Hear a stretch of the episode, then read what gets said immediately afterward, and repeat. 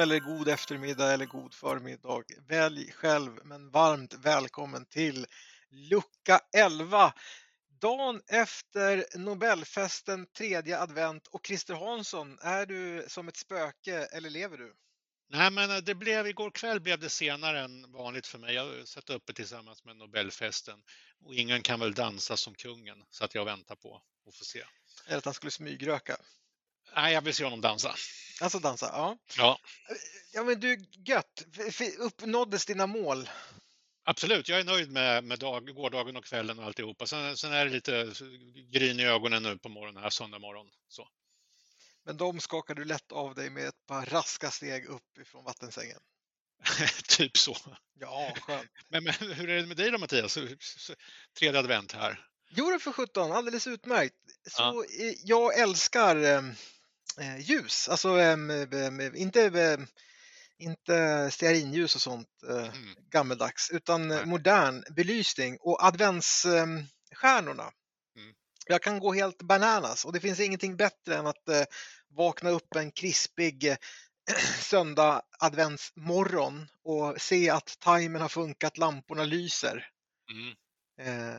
Det är riktigt strålar i mina ögon till min frus förtret i och för sig då, för hon tycker att det är alldeles för skråligt och skräligt med eh, sådär mycket lampor. Men eh, trots elkris så eh, unnar jag mig själv att eh, få ha lite lampor tända. Ja, men är inte timern, timern räddningen då? Att du kan ändå styra det där? Jo, jo, eh, nju- njuta, alltså det låter jättemysigt att det är färdigt och klart när du går upp liksom och bara wow, så. ja, men Stämning. du, vi- vi- säg det till min fru. Det är det jag försöker föra fram, men hon, hon tycker att vi slösar. Jag skickar ett anonymt mejl. Timer är bra. Ja. Ja, men helt riktigt. Du, eh, men då sov du gott i natt helt enkelt?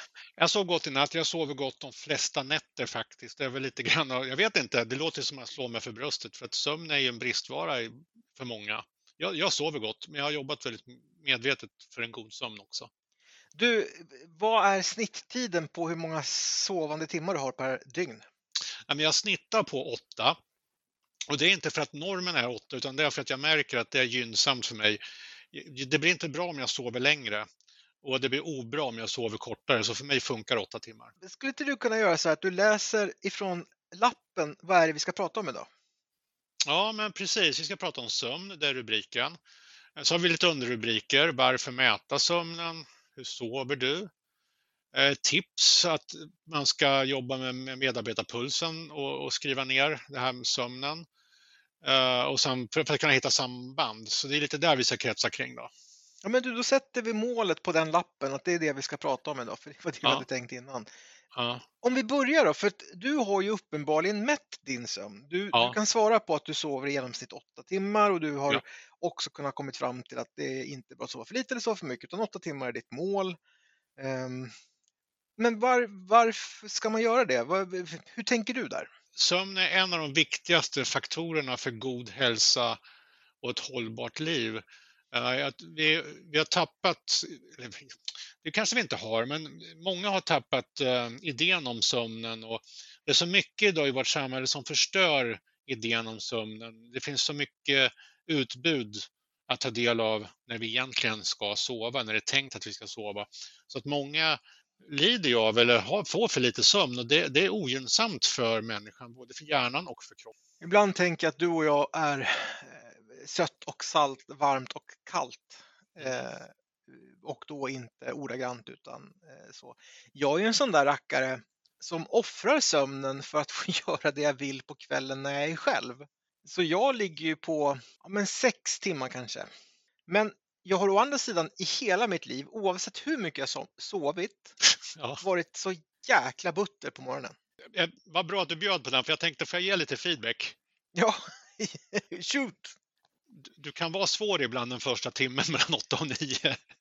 Då är det buttert. Nej, inte svår på det sättet. Men eh, du vet ju, jag är pigg och glad och sprutar av idéer vid den tiden. Det, det landar inte riktigt den så. Nej, nej, nej, nej. Och, och, och, där, där kan vi väl bara stanna upp då. Det är ju första observationen utifrån ett arbetsmiljöperspektiv. Alltså Ja. hur sömnen påverkar också arbetsplatsen.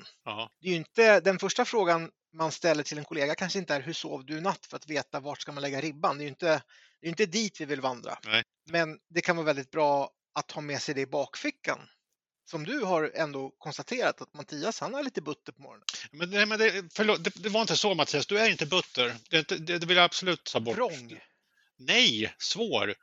Men det är ju mitt perspektiv. Jag vill ju bara liksom så här, jag har ju varit uppe sedan fyra på morgonen och vill ju bara när jag väntar på, ska inte Mattias komma snart, ska inte Mattias komma snart, så här som en liten barn.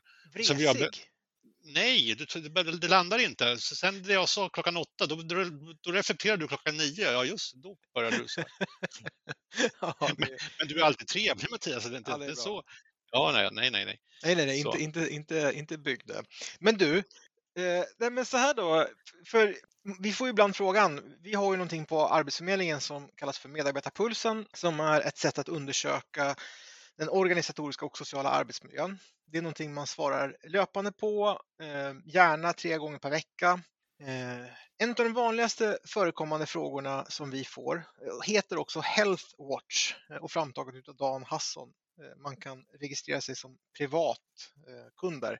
Vi har absolut inget samarbete med honom och får inte betalt för att säga det här. Men eh, ett bra tips. En av de frågorna vi får är varför ska jag svara på hur mycket jag har sovit eller hur jag upplevde att min sömn var?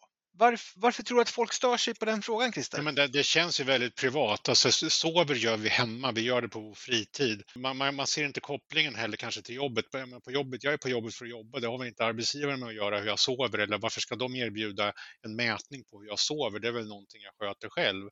Så jag kan, jag kan ju förstå den, den frågan, varför ska jag liksom svara på det och, och hålla koll på det.